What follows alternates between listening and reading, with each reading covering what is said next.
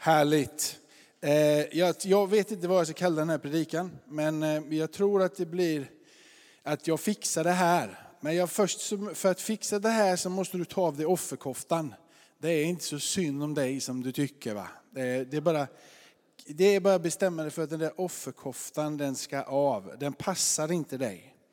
Eh, den, den gör faktiskt inte det. Är du här och du har orkat komma hit, Även om du är sjuk i kroppen, kanske du har cancer eller du har psykiska problem eller du har eh, missbruksproblem. Men har du kommit hit så har du tillräckligt mycket kraft för att fixa den situation som du är i just nu. Eh, jag har en, jag har en moster som är så sjuk så att hon kan inte ens lämna hemmet längre. De har liksom, det är en rullstol som gäller. De har nu satt en, en sjuksäng nere i vardagsrummet. För att snart så orkar hon inte ens gå och lägga sig i, sitt, i sin säng. Va? Eh, henne må det vara lite synd om i mina ögon, men hon tycker inte så synd om sig själv. Eh, hon har, hon, har, hon har frid med sin situation. Hon har frid med vem Gud är, hon har frid med, med eh, sin nära familj och den familjen som finns runt omkring. Hon har frid i sitt hjärta. Ehm, hon har så mycket smärta så hon kanske inte kämpar så länge till för att hon inte orkar. Men hon har frid med Gud. Hon har frid med Gud. Hon, hon längtar inte hem bort för, att, för, för, för, för den sakens skull. Men om hon skulle få avsluta livet så vet hon att hon är på väg hem. På väg hem. Därför så fortsätter vi be för henne, att hon ska bli frisk. Det är svårt, men vi fortsätter be för att hon ska bli frisk. Alltså, är du så sjuk så kanske det är lite synd om dig, då får du ha kvar den. Men är du prigg och du är här, det är inte synd om dig. Vi måste släppa det så otroligt synd om oss hela tiden. Vi kan fixa det som kommer i våran väg. Vi kan ta tag både i våra liv och de situationer som finns runt omkring oss. Lätt att skylla på alla andra, det är så orättvist. Men jag vet inte om det är så orättvist. Som man bäddar får man ligga ibland. Men du och jag vi kan resa oss upp och så kan vi fixa det som kommer i våran väg. Bibeln är fylld av löften på det här sättet. Jag ska komma in i det. Vi spelade tennis i fredags. Jag ser att Kenneth sitter där, min farbror här borta. Det är mycket familj här idag så det gäller ju att passa mig vad det är jag säger. Så det är inte bara nu församlingen som kan komma och tala om utan släkten är ju värst. Men vi spelade tennis tillsammans och Danne och jag som stod borta med mig, så vi spelade först emot min far och min farbror. De var alldeles för bra. De är gamla. De var otroligt gamla. Kenneth han är ju snart 80 fast han fyllde 70 för några tid sedan. Här. Så, så, och min far han är inte 71 riktigt men han är snart där och de är otroligt gamla och de, de, de, de, det gör ont i varenda sena när de rör sig och allt så. Men de vann över oss i tennis. Och vi fick så mycket stryk. Han applåderar. I vissa fall så är gammal äldst, inte alltid. Då är de bara gamla. Men de vann i alla fall. Och så, så Danne och jag vi var så dåliga tillsammans så vi fick faktiskt splitta på oss. Och till slut så fick jag vara med Kenneth. Och så, och så fick de. Men det var skillnad för när jag fick Kenneth vid min sida där, då vågade jag lite. Innan så var jag nästan rädd varenda gång bollen kom. Så var jag nästan rädd för att misslyckas. Jag vågade liksom inte slå till bollen. Men när jag stod med Kenneth och visste att Kenneth är i alla fall bättre än Danne. Så jag alltid hängde inte på mig. Så kunde jag liksom, jag kunde våga slå bollen. Och jag var inte så rädd för att missa. Och ibland så tror jag det är mycket saker som gör oss rädda. Vi, vi, vi, vi liksom håller tillbaka alltihop. Va? Men vi måste bestämma oss för att tillsammans med Gud så kan vi lösa ganska mycket. Vi kan fixa ganska mycket. Vi kan ta oss igenom problem och svårigheter som vi inte trodde var möjligt. För Gud är med oss. Och Bibeln lovar så. Och jag försöker inte att detta ska vara ett peptalk bara, liksom, där du ska bara, och nu han sa det där, alla de där bra, så, nu, nu känner jag att nu funkar det här. Utan jag skulle vilja deklarera att det står i skriften. Det är skriftenligt det jag säger. Det är du och jag ibland som väljer att inte luta oss på de skriftorden. Och ibland väljer vi oss att ta våra egna tankar mycket längre än vad själva ordet säger. Och så fintar vi bort oss själva. Det är som att vi talar oss ur, liksom, vi, vi pratar bort oss själva. Det är som att jag säger, jag, kom, jag vågar inte slå det, jag klarar inte det här och till slut så slår jag inte den här bollen heller överhuvudtaget. Utan jag drar mig tillbaka liksom och blir rädd och ängslig och tror inte att den här bollen ska komma över nät. Men om jag istället bestämmer mig för att jag ska ta till mig det som ordet säger. Jag ska ta till mig av vem Gud är och vad han säger om mitt liv.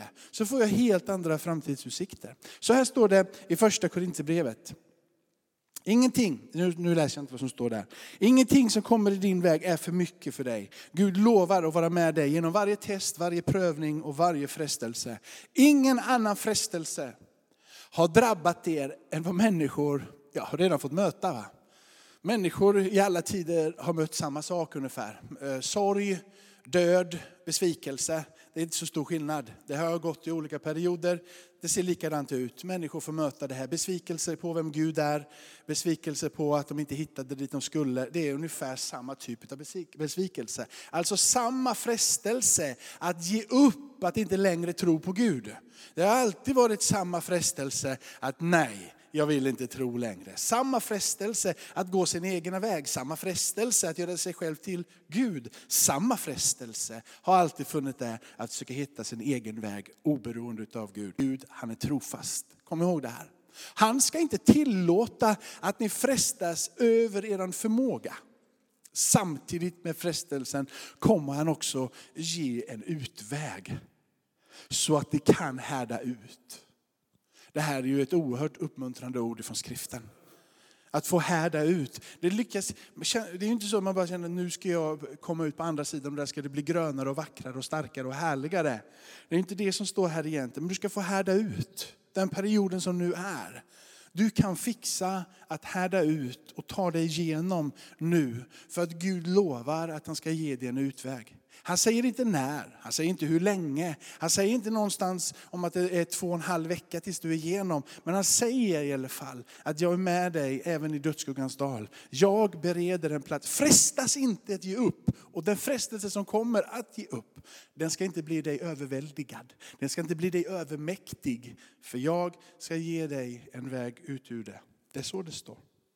De här besvikelserna, de här situationerna, de har lätt att de tar över, vad den må vara, både stort och smått. Ibland så är sjukdomen där och ibland så känner man att jag klarar inte av att ta hand om mina barn och ibland så bråkar man i sitt äktenskap och ibland så är man bara arg när man åker genom Götatunneln. För det är så mycket trafik och ska man parkera nere i garaget ibland så är man så irriterad, stor lastbil där så man bara känner att vad är, kommer de alltid när jag kommer liksom?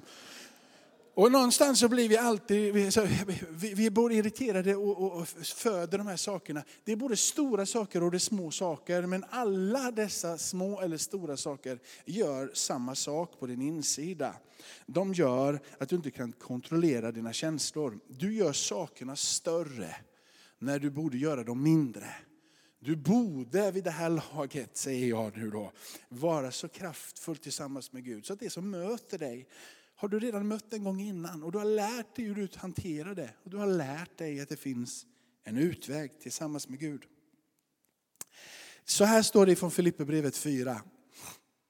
Det står det så här, allt förmår jag i honom som ger mig kraft. Det finns en kraft från Gud som gör dig redo för allt. En kraft där du både förmår och du är redo. Det är samma kraft faktiskt som väckte upp Jesus ifrån de döda. Det är Guds krafter. Det är inte en, en, liksom en atmosfär generellt eller en energi generellt. Utan det är Guds kraft, det är Guds närvaro. Det är andens verk och det är han själv som är närvarande. Det är inte magi så att du kan kontrollera det. Det är inte en, en två, tre, en systematisk väg in i framgång. Det är en person, det är närvaro utav Gud. Det är närvaron utav honom som är kraften på din insida. Jag tror, eller jag har skrivit så här, jag tror att du måste våga ha en tro på Gud. Och du måste våga ha en tro på att han har gett dig vad du behöver. Att han har gett dig den kraften, den styrkan som du behöver. Och sen så har jag funderat, och så tänker jag på Josef i Bibeln. Blir förrådd av sina bröder, han blir kastad i fängelse för någonting som han inte har gjort, oskyldigt dömd. Men han slutade inte trots besvärligheten att tro på Gud. Han slutade inte att ge upp. Han började inte klaga. Han måste, tror jag, ha sagt till sig själv, jag fixar det här. Gud och jag, vi fixar det här. Jag ska fortsätta, säger Josef. Jag ska fortsätta att tro på Gud. Jag ska göra det bästa med det som jag har. Jag ska göra det bästa med det som jag kan. Jag ska inte låta det här få ta bort min blick ifrån universums skapare. Han som har kontroll ifrån evighet till evighet. Han vet slutet ända från början. Han som eh, gjorde så att Josef blev den näst mäktigaste mannen i Egyptens rike. Han som fick vara med om att slutet blev rätt bra. Han fick lära sig att försöka förstå perspektiven ifrån Guds ögon. Det blev ett bra slut trots allt. Du är inskriven i Livets bok. Och i Livets bok så finns det något väldigt härligt att få erfara när man förstår vad det är. Och det är att till slut så blir det bra. Det kommer bli bra. Resan dit ser olika ut och ibland så får vi vara med om oerhörda välsignelser här på jorden och ibland får vi gå igenom svårigheter. Men det finns ett löfte som står fast, att till slut så blir det bra. Ingen person kan ta dig bort ifrån Gud.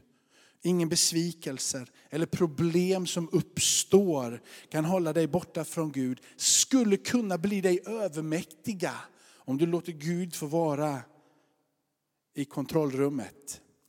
Jag tror, och min övertygelse är efter att ha sett både mitt liv, men sett på gestalterna som finns i gamla och nya testamentet. När man ser och David deklarerar, du har ju trots allt Gud varit god emot mig. Du har varit med mig och när jag blickar tillbaka så kan jag se det. Jag tror att om Gud ibland stänger en dörr så gör han det för att öppna en annan.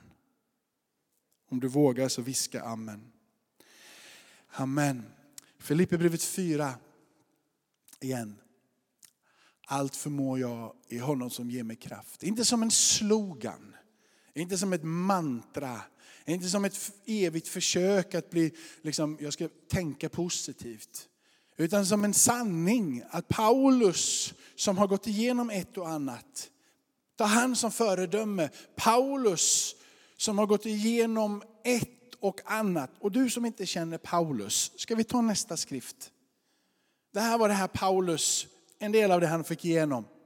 Han säger så här. Jag är, Eh, det nu. jag har arbetat mer. Han säger, jag har suttit i fängelse mer. Jag har fått hugg mer, slag i överflöd och ofta varit i livsfara. Av judarna har jag fem gånger fått 40 rapp minus ett. Tre gånger har jag blivit piskad med spö. En gång har jag blivit stenad. Tre gånger har jag lidit skeppsbrott. Och så ett helt dygn har jag drivit på öppet hav. I någon översättning så står det djupt vatten. Läskigt med det djupt vatten. Jag har ofta varit på resor, i faror på floder, faror bland rövare, faror från landsmän, faror från hedningar. Faror i städer, i öknar och på hav. Faror bland falska bröder. Allt under möda och slit, ofta under vaknätter, under hunger, törst, ofta fastande, frusen, naken. Utöver allt detta har jag det dagliga ansvaret, omsorgen om alla församlingar. Vem är svag utan att jag blir svag? Vem faller utan att det bränner i mig? Om jag måste berömma mig så vill jag berömma mig utav min svaghet. Filipperbrevet 4 igen. Det här är liksom ingen slogan för Paulus. Det här är inte positivt tänkande för Paulus. Det här är inte ett sätt att försöka marinera sitt eget huvud, sitt eget tankesätt med att jag kan visst saker tillsammans med Gud. Det här är samma Paulus som får ligga med djup ångest och vånda en hel natt på öppet hav som det står. Det är samma snubbe som har kommit i vattnet tre gånger efter att ha lidit skeppsbrott, slagen. Det är samma man som säger allt förmår jag honom som ger mig kraft. Det är ett ord att ta, inte bara för att du ska framåt, vidare, upp och högre och längre in i något form av härlighetsmoln. Det är ord som kan få tränga in och träffa ditt och mitt hjärta, ditt och mitt sinne. Vi blir ett tillsammans med oss som en sann verklighet att ingenting som vi möter i den här världen kan bli oss överväldigande eller övermäktigt. Det finns en väg tillsammans med Jesus rakt igenom. Om det finns någon som har rätt att ta på sig offerkoftan så var det Paulus. Jag tycker Paulus har rätt att klaga. Jag tycker Paulus faktiskt har rätt att vara lite negativ angående Gud. Du har satt mig på ett uppdrag, men du gör det fullständigt omöjligt. Du säger, men kolla min rygg Jesus. Liksom, Fader i himmelen, kolla min rygg. Det är inte mycket kvar på den ryggen. Tack för den. Eller? Ja. Är det någon som har rätt att klaga så är det Paulus. Är det någon som har rätt att sura lite på Gud? Är det någon som har rätten att säga att det är taskigt att vara kristen? Det är lite jobbigt det här. Så tycker jag det är Paulus. Men han förstod att säga, jag kan fixa det här. Jag löser det här. Jag är redo för allt och tillsammans med honom så förmår jag. Jag kan fixa det här. Gud är mäktig, skaparen utav universum. Det är han som ger mig kraften, alltså förmår jag. Det är han som ger mig vad jag behöver, alltså har jag kraften. Det är han som välsignar mig. I vilken situation du än sätter mig, säger Paulus, så vet jag att du kan ta mig igenom. Jag har lärt mig det av dig själv. Jag har förstått det genom att jag vandrat tillsammans med dig. Jag har känt det i mitt hjärta och jag har fått uppenbarat för dig i mitt sinne. Det är en bärkraft som tar mig igenom. Jag kan fixa det tillsammans med dig Gud. Amen. I Matteus kapitel 5, jag tror inte jag hör med den här, så står det så här att det är både solen och det regnar över orättfärdiga och rättfärdiga. Det är som om Bibeln vill säga att saker och ting händer i livet för alla. Både den som är rättfärdig och den som är orättfärdig. Både den som är kristen och den som inte är kristen. Du kommer inte undan att saker och ting blir besvärliga. Det är inte, jag, är, jag är nästan uppväxt med den här, men bara du blir frälst så blir det bra. Och det blir bra med Gud. Men det blir inte alltid bra med allting annat bara på en sån där sekund. Det är fortfarande samma problem som möter dig.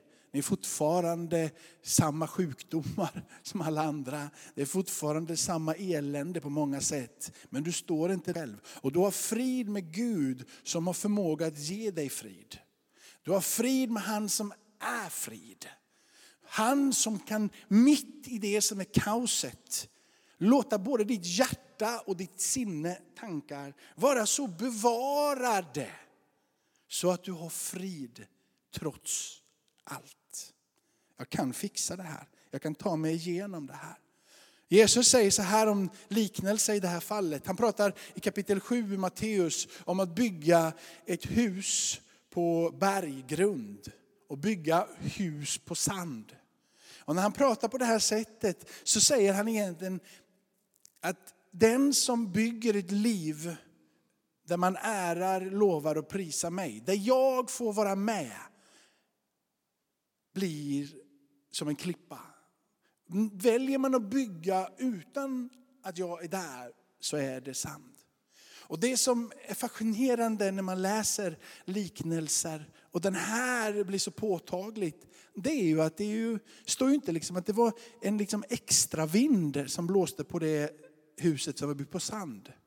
Eller lite extra mycket regn och nu så stormade liksom 2.0 över det som har med sand att göra. Det var därför det föll. Det står att det är samma vind. Va? Det är samma storm, det är samma orkan, det är samma regn. Det är samma fenomen som kommer emot. Men det ena består och det andra faller. Det är det här Paulus pratar om. Allt förmår jag i honom som ger mig kraft. Jag kan stå fast. Jag tar mig igenom, jag tar mig vidare, jag klarar det här. Det är samma storm som möter den som inte är kristen och den som är kristen. Förhållningssättet är ju, jag är dock inte själv. Jag är inte ensam. Jag står tillsammans med klippan själv. Du gör som Paulus, du vågar säga jag är redo. När du går igenom svårigheter så tror jag att du och jag behöver påminna oss om också att du behöver liksom inte vara orolig att det sker som en överraskning för Gud, det du går igenom. Ibland så kommer vi till det här liksom känslan, hur kunde Gud låta det ske? Har ni varit med om den frågan någon gång? Hur kunde det här ske? Hur kunde det här? Och så vill man nästan lägga det på Gud. Liksom. Men tänk för han, tänk för han inte visste då? Skulle du bli mer trygg då? Nej. Då, då blir, han, hade ingen, han har nog inte kontroll här. Du vill att Gud ska veta innan det har hänt. För det indikerar på en Gud som också kan rädda. Det är en som ser situationen innan den har hänt. Alternativet är ju att han inte vet. Och då är det ju svårare. Då, då, när saker och ting händer. Till exempel då vi, vi säger med Petrus, när Petrus förnekar Jesus. Vi vet ju att Jesus vet att Petrus ska förneka. Men om det vore nu så att Gud inte vet allting. Så jag undrar hur Gud tänkte då, för nu är plötsligt så har Jesus visat sig vem han är för Petrus. Och han har vandrat tillsammans med, med tre år med Gud, kunde nog tänka i sin himmel, och, ah, jag sket med. jag, jag satsade på Petrus, det här blir inte bra.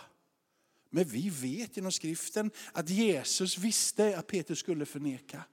Han vet dina misstag med. Han blir inte förvånad när Jona i gamla testamentet väljer att inte predika trots Gud talar om för honom att han ska predika och väljer att gå sin egen väg. Gud sitter ju inte där uppe i himlen och säger skit med nu vet jag inte, hur ska jag ta hand om Jona nu? Hur ska jag göra för att få tillbaka honom på rätt? När Thomas tvivlar, inte var han orolig och rädd. Han visste i förväg, jag kommer att övertyga Thomas. Thomas ska få möta med mig. Vad tror ni hände i Guds hjärta om han inte hade vetat slutet för Josef när han blev kastad i brunnen. Orolig, mycket orolig. Josef, som jag har kallat, han, håller nu på, på att tabba till sig ordentligt för Josef.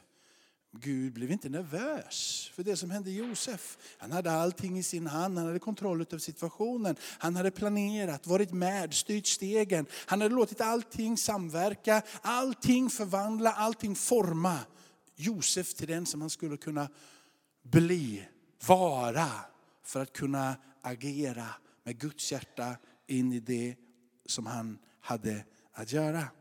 Samma sätt tror jag det är med dig. Ingenting händer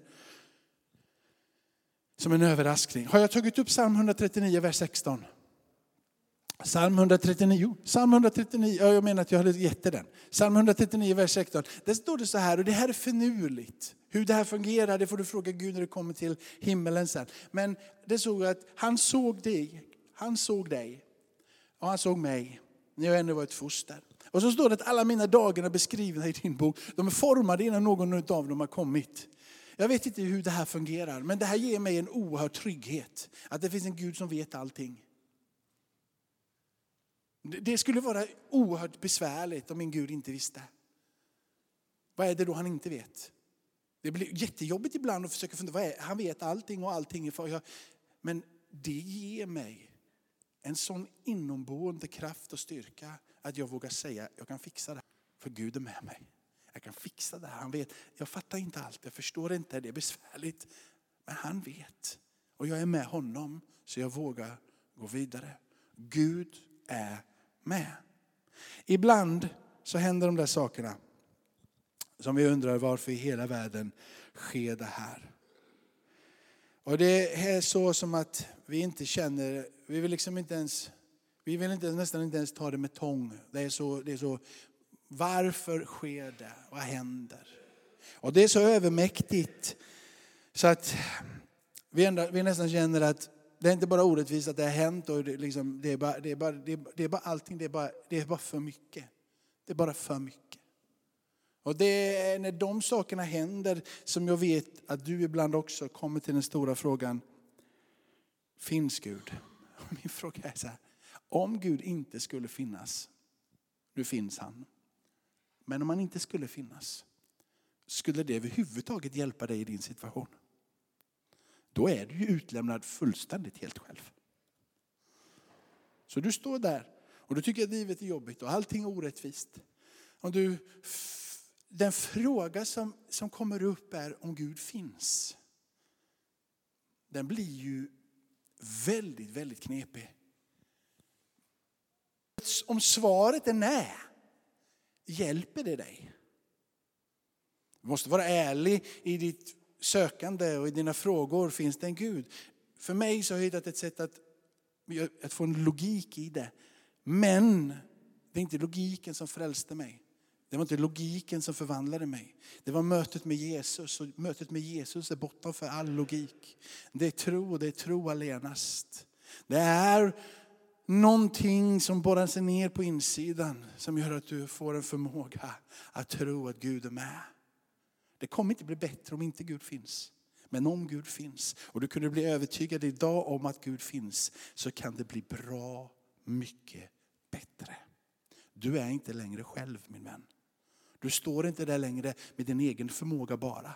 Du står inte där och försöker att lita på läkarnas konst. Utan du har fått en inomboende kraft. Du har fått närvaron av Gud. Du kan säga, jag kan fixa det här. För min Gud vet vem jag är. Jag kan ta mig igenom. Du kommer få se, om du har vandrat länge med Gud, att ibland så sätts du på prov, tester. Men så här står det i första Petrus. Första Petrus säger så här, äktheten i en tro är långt mer värd än guld. Som är förgängligt men prövas i eld. På samma sätt så prövas eran tro för att sedan bli till lov, pris och ära när Jesus uppenbarar sig. Det är som om att han vill ta din tro, låta den gå igenom någon form av test och prövning. Och när din tro får gå igenom de här olika sakerna så säger han att det då blir det lov och pris och ära av det. Det är som om att han är ute efter att plantera tro på din insida, ta dig igenom lite olika saker. Så det som din tro producerar är lovpris och ära. Det är som att när din tro blir lite, lite tillknycklad, lite testad, lite under, mm, sådär va. Det som kommer ut ur den om du låter elden få bränna på det lite, det är lov och det är pris och det är ära. Det är någonting som händer när du låter tron få ta dig ut på den här resan tillsammans med Gud.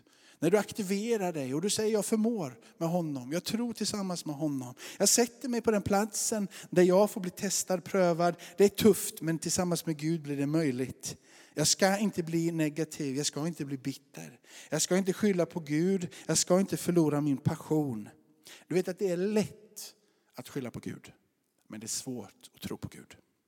Det är lättare att vara sur än att vara glad. Det är lättare att vara negativ än att vara positiv. Det är lättare att kasta in och ge upp än att ta upp käppen och strida. Det är lättare att komma in i ett rum och låta mungiporna vara nere än att komma in i ett rum och låta mungiporna vara uppe. Det är faktiskt en kamp att stå där i tro. Att våga hoppas. Att våga säga tillsammans med Gud så kan jag lösa det här. När alla omständigheter i hela universum pekar dig och skrattar dig i trynet och säger det var ju likadant igår och du står fortfarande här. Det är lättare då att bli sur. Det är lättare då att ge upp. Det är lättare då att inte längre hoppas eller lova dig. Men att ställa sig där ändå och säga, jag ska fixa det här tillsammans med Gud. Då sätts din tro under den här elden. Och det som kommer ut ur dig är lov, pris och ära. En tacksamhet över hur Gud bär dig genom alla skiften i livet. Paulus vågade, jag tror du vågade. Paulus gjorde det, jag tror du kan göra det. Det svåra kan ibland vara att bara komma in i livet med ett leende. Hur gör man det här rent praktiskt då? Hur gör du när människor behandlar dig illa? Kanske i familjen eller på ditt jobb. Chefen är dålig. Den du är gift med gör inte som du tycker den skulle göra. Det enda du vill göra är baka med samma mynt. Dina barn är otacksamma och inte ni. Nej, det skulle aldrig hända att ni var otacksamma. Eh, och, och då, på grund av att de är otacksamma så struntar jag i dem. Det skulle inte passa sig speciellt fint. Om jag, de, det blir bara en ond cirkel på alltihop. Det jobbiga är ju när de är otacksamma, att gå in och visa tacksamhet och kärlek till dem. När den som står dig närmast, tyck, du tycker att den gör fel, att där behandla den rätt. Du, jag skulle vilja uppmana dig att du behöver göra rätt sak även när fel saker händer dig. Du kan tillsammans med Gud klara av att behandla andra bra när du blir dåligt behandlad. Du klarar av det tillsammans med Gud. Du klarar det inte själv, för det är lättare att bli negativ, sur och bitter. Men tillsammans med Gud så kan du resa dig upp. Och du kan vara glad i alla omständigheter. Du kan säga, jag kan fixa det här. Tillsammans med Gud så är det möjligt. Du behöver göra det goda. Jag går in för landning nu. Du behöver göra det goda när du blir illa behandlad. Du behöver göra det goda. Sluta aldrig att göra det goda. Sluta aldrig att hoppas på det som är gott. Sluta aldrig att förvänta dig det som är gott. Sluta aldrig med att sträcka dig efter det som är rätt och riktigt trots att du blir orättvist, illa behandlad, vad den må vara. Ta in offerkoftan. Det passar inte dig att ta på offerkoftan. Det passar dig att resa dig upp och säga jag tror. Det passar dig att ställa dig på Guds sida och säga jag ska gå vidare tillsammans med Gud. Sluta försöka att ändra på personer, låt Gud få göra det. Sluta ändra på andra, men försök att ändra dig själv. Eller i alla fall låta Gud få forma din insida. Du behöver inte bli upprörd när du inte gillar allting som kommer i din väg. Gud har det under kontroll. Han låter ingenting hända som inte han vet att du klarar av. Du kan få ta emot kraften att vara lugn och sansad när det blåser och det stormar som mest. Du kan hantera alla situationer som kommer i din väg, för du förmår och du är redo för allt. Gud ger dig kraften. Stora och små saker, låt dig inte få stjäla din glädje. Låt dig inte få ta. Livet är för kort. Det är en gåva. Du kan klara det här testet, prövningen, frestelsen. Gud styr dina steg. Våga ge kontrollen till han. Låt tron få formas så det blir lov och pris och ära utav det. Det blev inte som jag har tänkt, men det kan bli som Gud har tänkt. Amen.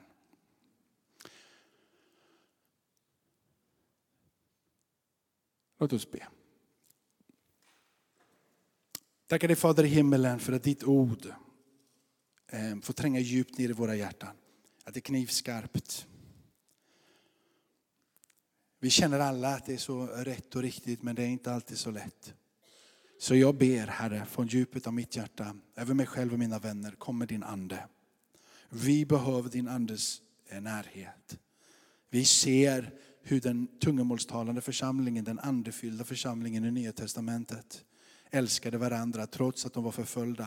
Tog hand om änkor och de fattiga trots att de inte hade så mycket själva. Hur de reste sig upp och predikade evangelium så långt som de bara förmådde resa trots att de inte hade jättemycket pengar. Svårt att resa men de gjorde det ändå. Trots allting som var emot dem så reste de sig upp och sa, jag kan fixa det här, jag kan göra det här. Låt den ande som gav och gjorde det möjligt då få verka i våra liv idag, Herre.